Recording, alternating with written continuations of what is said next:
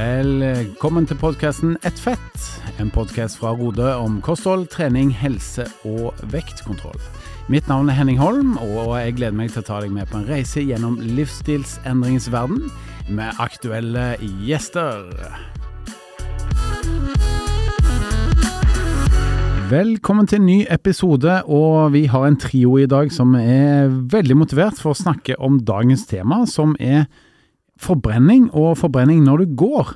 Men før vi kommer så langt, jeg er på plass som vanlig, heter Henning fortsatt. Har med meg Halvor. God dag, god dag. God dag, god dag. Og Sven Erik Dahl, publikumsfavoritten. Er det? Ja, du er faktisk det. det. Ja, det- I mitt lille nettverk så, så må jeg si at du er det, av stor respekt for eh, alle andre gjester, som òg er populære. Men eh, jeg har fått flere tilbakemeldinger på 'Å, Sven Erik, det er så morsomt når Sven Erik er med'. Jeg har også fått tilbakemeldinger fra den eneste vennen jeg har, nemlig meg sjøl, på at du er en publikumsfavoritt. Ja, det, det, det, jeg tar imot det. Tusen takk, sier jeg da bare. Ja, nå spøkte Halvor det litt vekk her, men jeg har hørt fra flere som sier at liksom, det er så fint når Sven Erik er med. Han har så mange gode historier, og det er så motiverende å høre på han. Eh, det har jeg hørt med Karoline òg, selvsagt, men eh, jeg hadde lyst til å gi deg den tilbakemeldingen. Ja, men veldig takk, takk for den, Henning. Tusen takk. Det er veldig gøy å være her. òg. Dere er jo artig å være sammen med. Før vi går, dag, eh, går da i dag i gang med dagens tema, så må vi snakke litt om Pepsi Max Stopp. Selv om eh, Karoline ikke er her. Hvordan går det med deg, Halvor, eh, oppi alt dette her? Det går Jeg, jeg, jeg har klart det. eh, Det er vel ti dager siden jeg begynte. Eh, Jeg trappa faktisk ned, så siste dagene før jeg skulle begynne, så var det vel bare ett glass eh, per de to siste dagene. Så jeg har klart det i ti dager i strekk, men jeg skal innrømme at jeg ba jo om et, en unntaksdag. Jeg sendte en SMS til deg og Karoline. Fordi at jeg har knekt eh, lårbeinet, så da lå jeg på sykehus og syntes at livet var ikke veldig trist, men det var i litt kjedelig. Så da ba jeg om disp til å få kjøpe meg en halvliter Pepsi Max i det der bruskabinettet de hadde ute på gangen, for da kunne jeg også få meg gåtur på krykkene. Og det fikk jeg heldigvis ut på lørdagskvelden tommel opp til, så jeg har, jeg har sprukket en, eh, en eh, hva skal jeg si, kontrollert sprekk. Jeg har drukket én Pepsi Max, en halvliter på, men jeg har fått lov, så jeg skal da forlenge min Pepsi Max-faste dem med ett døgn etter at du er ferdig, Henning. Mm. Så bra. Da skal jeg fortelle deg at jeg har sprukket fire ganger.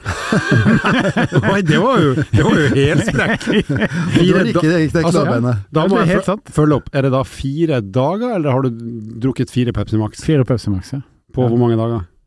Nei, altså, hvor, hvor langt har vi holdt på nå, da? Vi er vel på tiende dagen? ja. Ja. så seks dager uten og fire dager med. Oh, ja, ok, så du har, du har en kontinuerlig firedagerssprekk? Ja, nei, altså det som har skjedd fire ganger, det er at eh, på hjemmefronten eh, så har jeg glemt meg ut. Altså, jeg har drukket en boks på kvelden. Eh, Line, min kjære fru, har da funnet fram en Pepsi Max-boks, og liksom Så jeg spretter den, og vi sitter og koser oss med en Netflix-serie eller en god eh, middag, og så har jeg glemt det. Eh, så det er rett og slett for dårlig. Jeg kom på det etterpå. Så det viser litt om liksom hvordan rutinen er, da. Dette er jo min kos i hverdagen, og jeg har da ikke vært flink nok til å si til Line her må du hjelpe meg. Jeg har bare hatt dette som et eget rullende prosjekt, og gått på smellen fire ganger. Ja, for nå skal jeg være sånn her eh, latterlig, eh, fornuftig fjert. Du må Mm. involvere de rundt deg. i Ikke sant? Ja, ja. Din sosiale heiagjeng må få vite det her.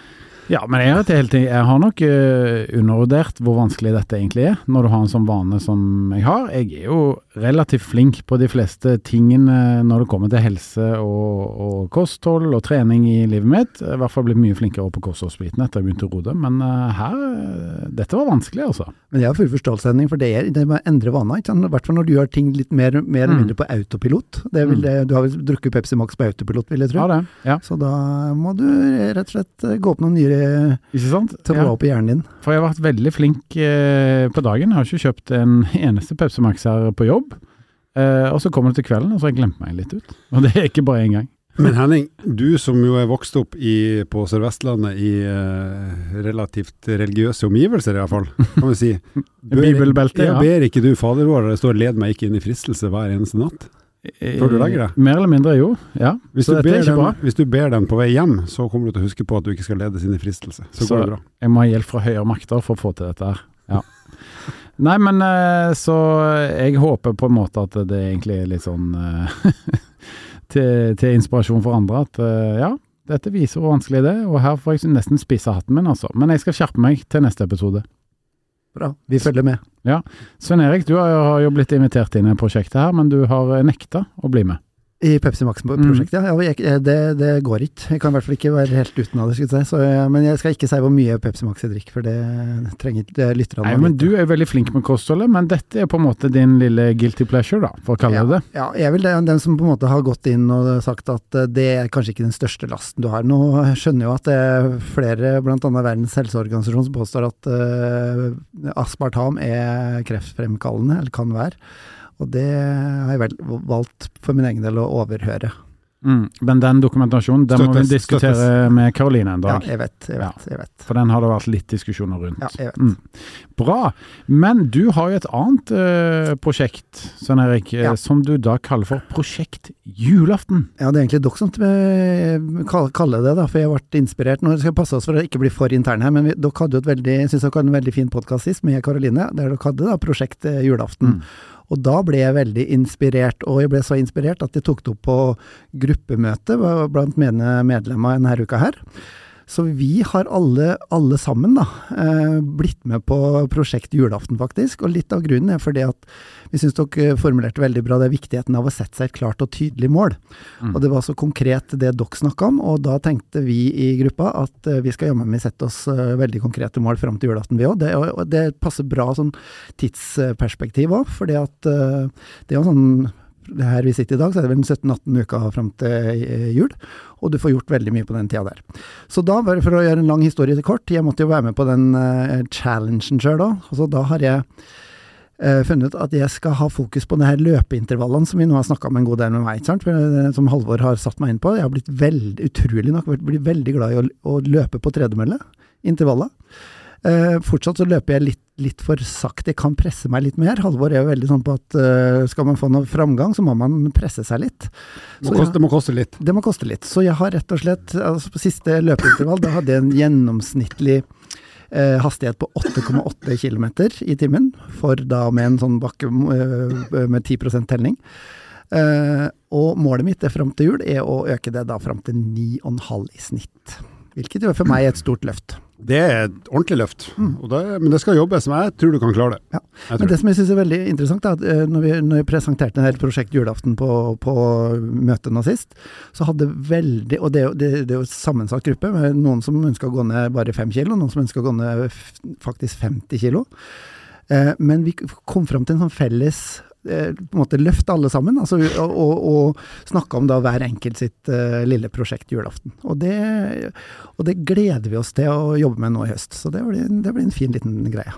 Og Veldig bra. Veldig bra, Svein Erik. Ja. Ja. Yes. Jeg syns at dette er motiverende, og jeg oppfordrer egentlig våre kjære lyttere til å gå inn på da denne her Facebook-siden vår, eh, som heter podkasten Ett fett, og dele sine eventuelle prosjekter som heter Prosjekt julaften. Mm.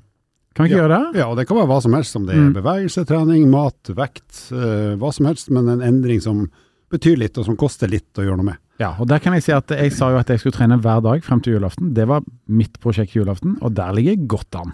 Så jeg har vel funnet ut det av meg selv at jeg er bedre på å implementere nye ting som gjelder trening, enn å ta bort da min eh, store glede her i livet, som er Pepsi Max. Du har jo klart det seks dager på strekk, da. Det er ikke så verst, det. Ja, det er jo ny rekord, Ja. faktisk. Bra. Nei, men eh, vi må jo snakke om én ting til. Du har jo vært eh, litt uheldig, Halvor. Jeg har vært udyktig. Jeg har vært sykla litt i Spania, og så Mm. gikk jeg rett og slett på trynet i rundkjøring. Så jeg har knakk lårbeinet for en god uke siden. Ja, og som den eh, tøffingen som du er, så tenkte du at dette er bare en skramme. Så hvis jeg bare eh, ja, tripper rundt på eh, golfkøller eh, Golfkøllekrykker. Ja, som krykker, og bare kommer hjem til Norge, så får jeg ta en tur innom legevakten da, og se at alt er ok. Men eh, det var det jo ikke. Nei, det viste seg at når vi landa tre dager etter fallet, så øh, Og det var min samboer som sa at du, du må stikke ned for sikkerhets skyld. Så det viste seg at det var rett og slett et brudd i lårbeinet. Og det triste med det er jo selvfølgelig at man blir totalt inaktiv. I hvert fall må gå med krykker og surre rundt. Men det er jo også for min del som selv om jeg ikke er ung, så er jo, fikk jeg vite at snittalderen for sånn lårbeinsbrudd er vel på 2-3 eller 2-83 år. Ja. Uh, så det er litt for tidlig for meg å få det lårbeinsbruddet. Så det var litt flaut, egentlig. Du stiller deg litt til hoggs her, da, for ulike spøker med den gjengen her. Men, Eh, men kan jeg få si noe, det er helt Mm. usaklig, og det er ikke meningen å rakke ned på noe som helst. Men når jeg var på flyplassen, så fikk jeg jo rullestol fordi at eh, de ikke har krykker å dele ut. Eh, For vi Mm. ba om det for at jeg ikke kunne gå. Og det må jeg si at når du sitter Den servicen og eh, medlidenheten og behjelpeligheten man får når man sitter i rullestol, Mm. selv en tulling som meg, da, den var jo helt unik. Altså, jeg gikk fremst i alle køer, fikk hjelp til å hente meg mat, og fikk ekstra brus på restauranten, for det var før brusstoppen. Så det, det var Det må jeg si. Det var litt sånn eh, hyggelig og artig å oppleve at selv jeg som ser ut som jeg gjør, fikk veldig mye sympati når jeg satt i rullestol. Ja, men det var vel eh, Jeg tenker det er fint jeg å høre at, eh, at du fikk så god service. Du hadde jo tross alt et brudd her. Du, det var ikke lett for deg å gå lange distanser fra flyplassen. Nei, det, det, hadde, det kunne jeg ikke gjort, Nei. rett og slett. Så du ble jo da operert og har fått satt inn et par skruer. Så er det da på bedringsvei. Så nå sitter du og sykler med ett bein. Korrekt. Nå har jeg siste uka sykla med bare høyrebeinet, og i morgen tidlig så får jeg lov å prøve å sykle lett med begge bein. Yes. Det gleder jeg meg stort til. Mm. Stas. Det blir stas. Jeg er imponert. Her var det mye spennende å dele, og egentlig en lang innledning, men nå skal vi gå videre til dagens eh, tema etter denne lille kommersielle beskjeden. Vet du hva du får i et Rode-medlemskap?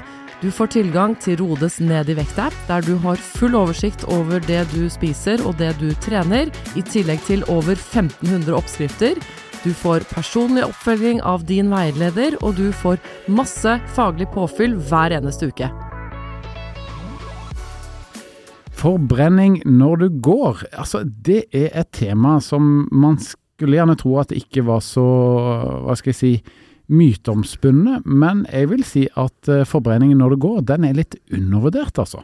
Ja, vi snakker jo ofte om at du skal gå så og så mange skritt hver dag og sånn, og det er jo, det er jo basert på at det har en helseeffekt. Eh, Men det har jo også selvfølgelig en forbrenningseffekt, så jeg, så jeg tror de fleste bare tenker på den ruslinga som at det er bra for helsa, men ikke så mye mer enn det. Men, men Mm. det gir jo faktisk en del uttelling på forbrenning òg, hvis man får gått eh, et visst antall skritt hver dag, Ja. som vi skal snakke litt om snart. Hvor mye går vi egentlig hverdagen? For det at jeg må si at eh, jeg har jo da drevet med løpetrening i ganske mange år, og så har jeg skiftet over til sykling egentlig de to siste årene. Og da ser jeg hvor mange mindre skritt jeg egentlig har, altså. Så jeg tenkte i mange år at ja, men jeg er så aktiv, jeg har så mange skritt. Men når jeg tok, tok bort løpeøktene mine på mølle og utendørs, så viste det seg at det egentlig ikke går så veldig mye. Så det var egentlig en sånn aha-opplevelse for meg, som kanskje er representativ for andre. Jeg har sett eh, for min egen del på en vanlig kontordag når jeg ikke har knekt beinet, og jeg ikke gjør noe tiltak for å være spesielt aktiv, så, så går et sånn kontordagdøgn. Da ender jeg opp på et sted mellom 6000 og 7000 skritt, som ikke er spesielt imponerende, for å være helt ærlig. Min erfaring er at øh, hvis folk er litt bevisste, så er det veldig lett å komme opp i Vi anbefaler jo 10 000 skritt om dagen, øh, for egentlig alle. Eh, og veldig mange som begynner som medlemmer hos oss, de ligger langt under det i utgangspunktet, men så blir de litt bevisste og finner ut at det med å gå litt sånn som dere sier, det er en undervurdert form for trening, vil jeg påstå.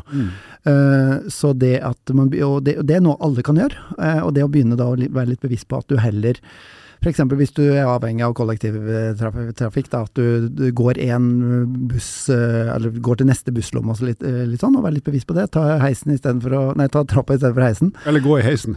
Eller å gå, stå, stå og gå i heisen.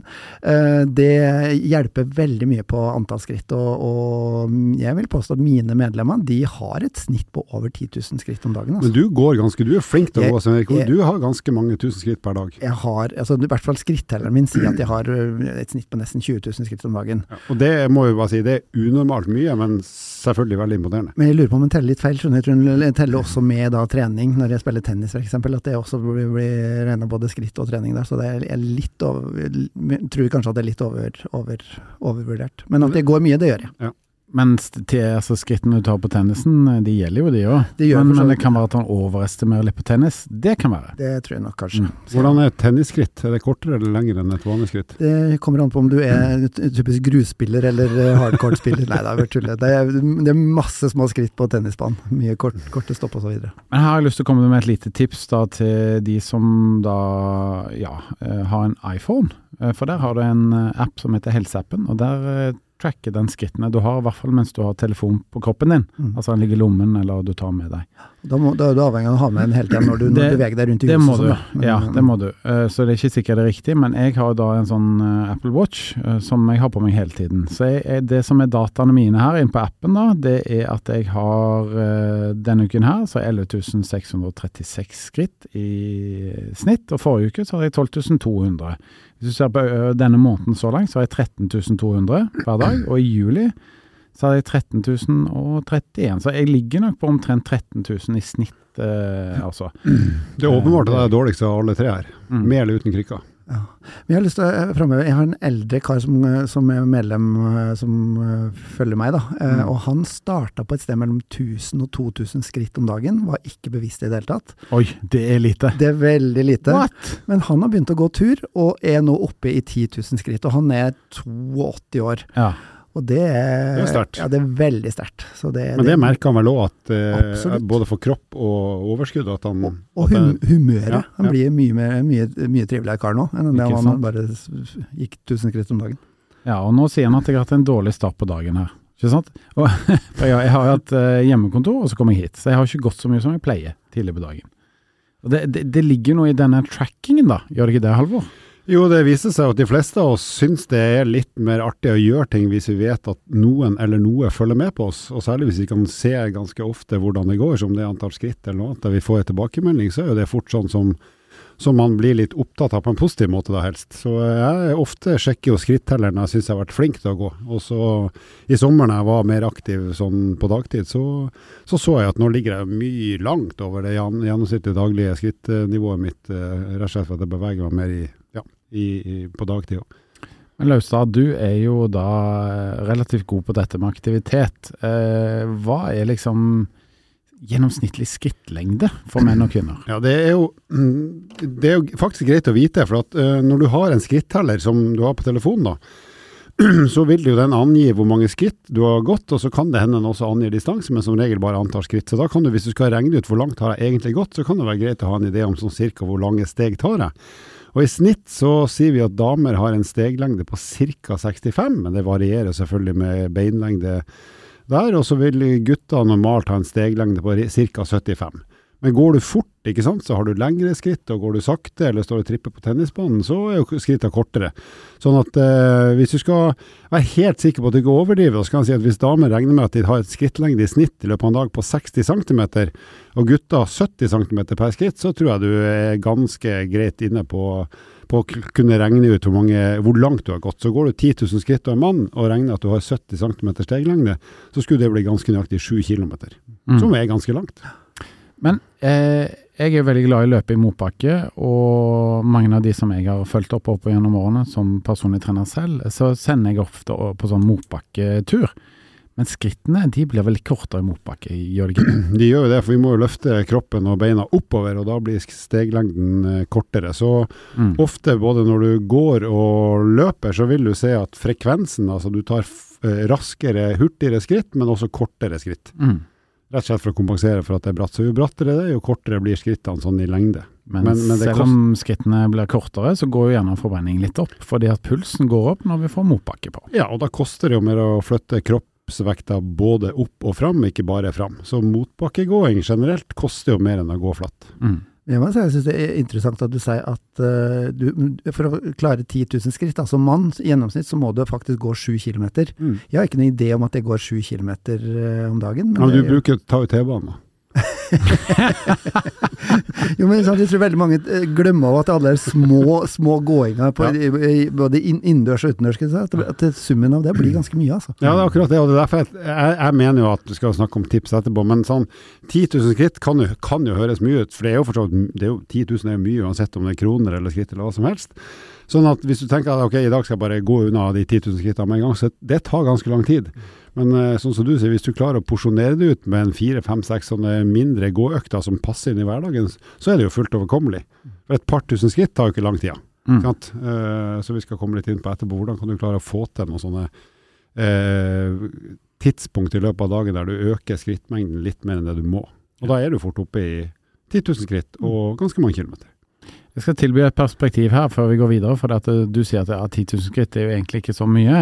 Jeg, eh, mine to gutter har jo begge hatt sånn smartklokke som gjør at de kan bevege seg litt rundt i nabolaget, og vi, vi føler oss trygge på at vi vet hvor de er, og vi kan få kontakt med dem. Eh, og disse her gutta her er ganske aktive gutter. De er ute på sykkelen, ute og løper og sparker ball med kompiser, fotballspillere og dette her. Og det er ikke uvanlig at de har eh, mellom 20 til 50 000 skritt til dagen. Ja, Det er Det er mye.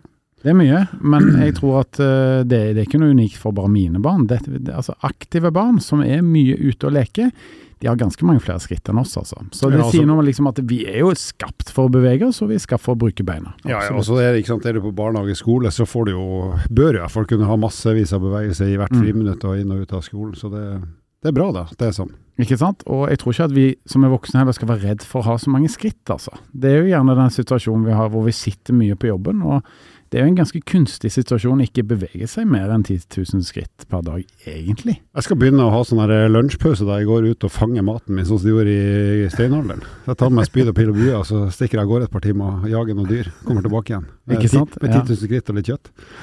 Men det er vel noen som påstår at pga. at vi har så stillesittende unnskyld, eh, jobber som vi har nå, kontra det, det vi hadde for 30-40-50 år siden, at det, det er mye av grunnen til at eh, annet overvekstproblematikken har blitt så, så stor. Da.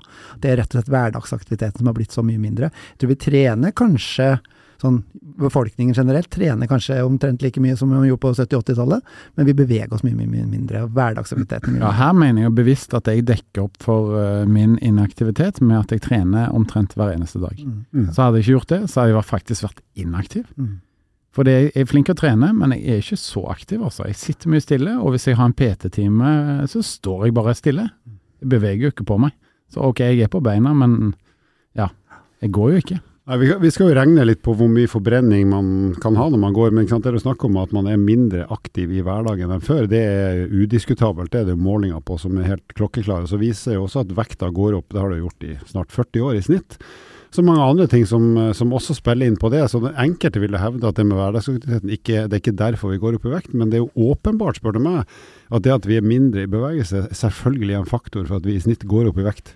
Mm. Fordi at uh, når vi begynner å regne på hvor mye 5000, 8000, 10 000 kritt per dag faktisk gir i forbrenning, så er det klart at hvis det ikke skjer, så er det ganske mye energi som burde vært brukt til bevegelse, som ikke blir brukt. Mm. Og jeg tror du, Henning, er veldig a, eller dere da, er veldig atypisk her. Ikke sant? At ja, Du sier at din bevegelse er veldig, handler om trening. Jeg tror for de aller aller fleste er det motsatt. Altså De trener kanskje ja, la oss si to, to timer i løpet av en uke. da. Eh, og det blir jo altfor lite, hvis ikke du da har en forholdsvis høy hverdagsaktivitet. Og løsningen da, folkens, det er jo gjerne å gå. Mm. Kom deg ut og gå. Vi har jo til og med skrevet ei bok om gåing sammen, eh, Halvor. Ja, det har vi faktisk. Mm. Det har vi. Det glemte jeg nesten. Jeg følte jeg måtte nevne det. Det var ikke en del av manus. Men eh, det vi skal snakke om nå, er jo litt fra den boka. Og det er jo mye du som har skrevet akkurat den delen av boka her, den eh, smarteste delen, eh, som handler om forbrenning. Så hvor stor er forbrenningen når vi går? Jo, det er sånn at eh, når du går en distanse, så forbrenner du ca. 0,7 kalorier per kilo kroppsvekt per kilometer du har gått. Så for å gjøre regnestykket enkelt, hvis du veier 100 kilo og går 1 kilometer, uansett tempo, så har du brukt basically 70 kalorier på å gå den kilometeren. Hadde du veid 50 kilo, så hadde du brukt 35 kalorier. Så 0,7 kalorier per kilo kroppsvekt du veier, per kilometer du går, Mm. er det det koster å gå. Sånn i snitt for de fleste. Ikke sant? Så- Ja, så hvis du bruker meg som eksempel her, da, eh, som veier da 93 kilo, da er det egentlig ganske lett å runde litt opp, da. Mhm. Eh, så hvis jeg går eh, 10 kilometer, da vil jeg forbrenne ja, nesten 700 kalorier da, på Ja. de 10 kilometerne. Godt, det er ganske godt, mye. Godt over 600, ja. Ja, Det er ganske mye. Det er mye. det er det. Så jeg, jeg, hvis dere vil, så kan jeg ta, jeg kan ta noen eksempler, regneeksempler. Så kan, jeg har prøvd å lage noen sånne vektkategorier, bare for å vise. Mm. La oss si at du har, en, du har en person som er 60 kilo, en som er 80 kilo, og en som er 100 kilo. Og uansett hva du veier, så er jo da forbruket er jo 0,7 kalori for hver kilometer du går, for hver kilo du veier. Eller for, eh, ja. Så hvis du er 60 kilo og klarer å gå 1 kilometer, så vil du da bruke 42 kalorier på å gå 1 kilometer. Hvis du er tyngre og veier 80 kilo, så koster det jo mer energi å flytte en tyngre kropp, ikke sant? så da vil du bruke 56 kalorier på å gå 1 kilometer. Og veier du 100 kilo, som er tyngre enn 80 igjen, så vil det også koste mer energi å flytte på mer masse, mer vekt. Så da vil du, da vil du få bruke 70 kalorier på den samme kilometeren. Så jo tyngre du er, jo mer koster det selvfølgelig å flytte på kroppen, for at du må flytte på mer vekt. Eh, som gjør at du sånn sett kan si at jo tyngre det er, jo mer, bedre betalt får du for hver kilometer du går. Men det er jo tullete å si, da. Men, eh, men det viser iallfall at eh, uansett vekt, så bruker du ganske mye kalorier på å bevege deg til fots. Mm. Som er bra. Det gjør det. Men hva med tempo, liksom? Har det noe å si? Det har egentlig ingenting å si så lenge du går. Det er forskjell på når du går fra altså Hvis du begynner å løpe istedenfor å gå, så forandrer regnestykket seg. Så det, Jeg tenkte ikke å gå inn på det nå, men da koster det enda mer å flytte seg per meter eller skritt. Ja. Men, men, så lenge om du går sakte eller fort, så er det ca. 0,7 kalorier per kilometer. Så så lenge du vet røftlig hvor langt du har gått en dag, så kan du rett og slett regne ut at ok, hvis jeg veier så og så mange kilo, så ganger jeg det med 0,7. Da får jeg hvor mange kalorier jeg har brukt for hver kilometer jeg har gått, så ganger du det med antall kilometer. Ja, for det var egentlig poenget mitt. Jeg vil ikke opp til løping og snakke om det. Jeg vil egentlig bare vise at ok, tempo er faktisk ikke så viktig. Nei. Eh, med mindre du har lyst til at eh, ok, gå til en motbakke og gjøre det til en litt mer sånn høyere pulsøkt. da. Men bare det gå i seg selv har en veldig fin forbrenningseffekt. Helt er superbra. Mm. Hva tenker du da, Svein Erik, som eh, mosjonist, supermosjonist, når du hører disse tingene her? Du er jo veldig opptatt av trening, men eh, hva med aktivitet? Jo, men altså, jeg, her er gull i mine ører, for at, eh, jeg tenker at for, jeg er opptatt av at litt sånn folkehelse, da. At uh, hvis vi hadde fått uh, nordmenn flest til å gå litt mer enn det vi gjør i dag, så tror jeg vi har ut uh, fått gode, gode, effekter av det, altså. Og jeg ser jo de kundene jeg har, som da i utgangspunktet kan være litt inaktive og kanskje ikke altså ikke har så lyst til å trene og kanskje ikke er så, er så inspirert eh, av det, hvis vi får, hvis vi får dem ut og gå, eh, så, eh, så går ting mye lettere. For det, det, er faktisk veldig deilig å gå, og særlig etterpå. ikke sant? Du, du, du føler deg vel, og du, du, bruker kroppen på en måte som, som kroppen er skapt for å, for å gjøre. Og man må ikke begynne med å liksom, legge lista for høyt og si at jeg må gå 10 000 skritt om dagen for at jeg skal liksom få det. Liksom alle, hvert eneste ekstra skritt, tenker jeg da, teller hvis du, hvis du ønsker å bli i bedre form og, og, ja, og leve sunnere. Jeg syns det skal være greit hvis du tenker at nå skal jeg få et visst forhold til det. Så når du finner ut av ca. hva du gjør av skritt per dag, så si at jeg skal få klare 1000 mer i snitt ja. resten av livet. For det tror jeg de fleste får til. Og faktisk, det, Sånn jobber vi veldig mye på de møtene vi har. da, at vi liksom, Hvis du i utgangspunktet da, la oss si at du går 6000 skritt, da, vi følger med på skrittelleren, så prøver vi å, å, å si neste gang ok, du klarer 7000 neste, neste uke. liksom. Så Vi prøver liksom å hele tida jobbe med en sånn målsetting som er realistisk for den enkelte. Enda litt mer tall, da, sånn røftlig, litt avhengig av hvor fort det går, men de aller fleste ligger på rundt 100 skritt per minutt hvis du går. Med mindre du går subber rundt på et kjøpesenter eller går kjempesakte. Men sånn røftlig 100 skritt i minuttet. Og det, det, er kanskje noe av det som hvert fall jeg som velger å gå mye, da. Jeg har laga meg noen regler om at jeg aldri skal bruke sånn sparkesykkel, f.eks. Eh, skal heller og, alt, alltid gå til dit jeg skal. Eh, eneste problemet er at da må du beregne litt mer tid. Det tar lengre tid å gå enn å sykle eller ta sånn sparkesykkel. ikke sant? Da slipper du å bli skada òg, da. Jeg skal aldri mer sykle. Ja, jeg skal aldri mer sykle. Slutt å sykle. jeg må jo si en ting, at når vi lanserte denne gåboka for eh, ja, hvor lenge er det siden? Et par år siden. par år siden, Halvannet år siden. Så fikk jeg en kommentar i kommentarfeltet liksom, «Ah, hvorfor skal jeg lese en bok om å gå? Alle kan jo gå. Og, og det har jeg tenkt litt på at det tyder egentlig på at en del mennesker tror at uh, Uh, gåing i seg selv, at det er, ikke, det er ikke noe mer å si om det. Og det ja, og så at det teller på en måte ikke. Ja, det, teller det, ikke. det er liksom bare der. Det men, skal ikke bety noe. Sant? Men det gjør det jo. Overraskende mye. Det er liksom løsningen som ligger liksom i plain sight, som veldig få mennesker snakker om. Mm. Og det syns jeg er litt sånn fascinerende. For at hvis du tenker på gåing, så er det jo noe som mennesker alltid har gjort, så lenge vi kunne gå på to bein. Det er veldig sånn naturlig for oss. Uh, og så er det faktisk veldig effektivt da, når du drar opp disse regnestykkene, Halvor, så tror jeg kanskje mange blir litt overraska. Altså, tenk, tenk, bare på det her. Hvis vi tar utgangspunkt, det blir mange tall, men la oss si at du veier 100 kilo, da. Og så er du mer eller mindre. Men altså, hvis du veier 100 kilo og går 5000 skritt på en dag, da har du sannsynligvis beveget deg ca. 3,5 km i løpet av dagen. Det gir deg et kaloriforbruk på nesten 250. Og hvis du da klarer å øke det til 8000, da, så har du et kaloriforbruk som tilsvarer ca. 400 kalorier, som du får hver dag ved å rusle rundt. Og hvis du klarer å gå helt opp til 10 000, som jo er mulig for de fleste, så får du et kaloriforbruk på ca. 525 hver eneste dag. Mm. Og hvis du ikke gjør det, så får du ikke det, den forbrenninga. I tillegg til mange helseeffekter som er vel så viktig. Så du kan spise en halv Grandis nesten, da, per dag, faktisk. Ja, hvis du går Hvis du 10 000 skritt. Alt Mm. annet likt. Eller la være. Eller la være. Jo, men det, er jo- veldig interessant det at det, bare den bevegelsen der utgjør faktisk et måltid, eller middag ekstra, på en måte. Eller, altså, du, kan, du kan spise middag på, fordi den forbrenninga du har på den, de skrittene. Ja, jeg tenker at når du, Hvis du tenker at det å gå er at du skal være litt mer bevisst, som Henning sier, og, og tenke litt mer rundt hva, hva skal jeg bruke det til. Altså Ja, det er bra for helsa, det er digg å få bevega seg i seg sjøl, og godt å være ute og gjøre det. Men hvis du også tenker at nå skal jeg øke et visst antall skritt, så kan du jo begynne å bruke det som en mekanisme for å regulere både matinntak og også vektkontroll. For da blir det kanskje en faktor som faktisk betyr en del hver eneste dag.